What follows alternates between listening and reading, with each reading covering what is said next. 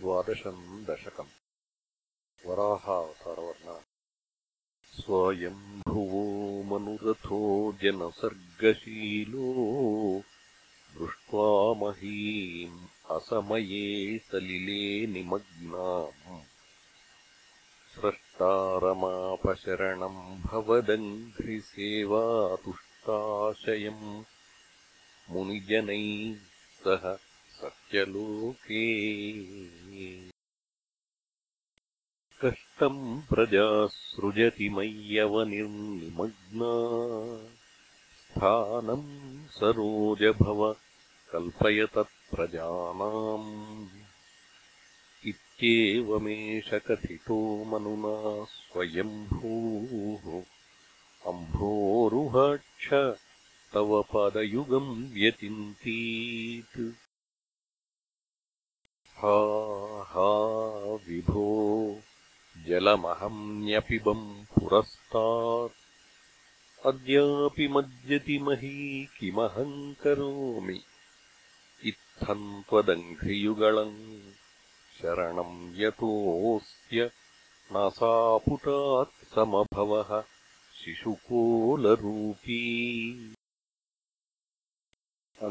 अङ्गुष्ठमात्रवपुरुत्पतितः पुरस्तात् भूयोऽथ कुम्भिसदृशः समजृम्भथास्त्वम् अभ्रे तथाविधमुदीक्ष्य भवन्तमुच्चैः विस्मेरताम् विधिरगात् सह सूनुभिः स्वैः।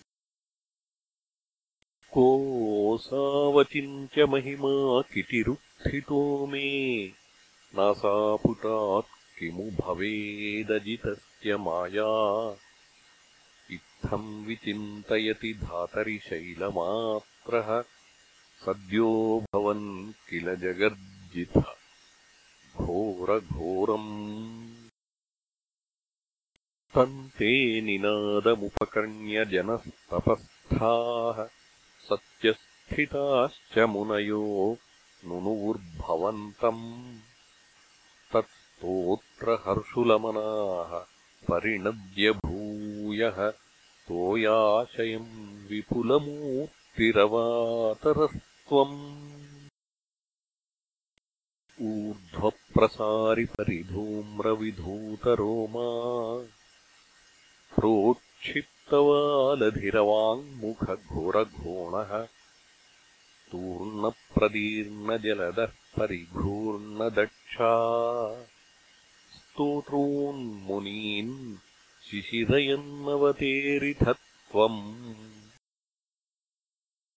अन्तर्जलम् तदनु सङ्कुलनक्रचक्रम् भ्राम्यत्तिमिङ्गिलकुलम् कलुषोर्मिमालम्।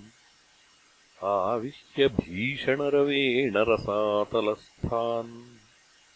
आकम्पयन् वसुमतीमगवेशयत्वम् दृष्ट्वाथ दैत्यहतकेन रसातलान्ते।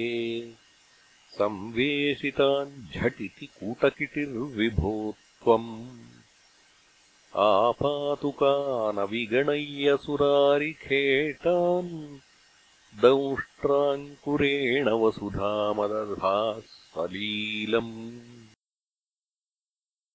अभ्युद्धरन्नथ धराम् दशनाग्रलग्नमुस्ताङ्कुराङ्कित इवाधिकपीवरात्मा उद्धूतघोरसलिलाज्जलधेरुदञ्चन् क्रीडावराहवपुरीश्वर पाहि रोगात्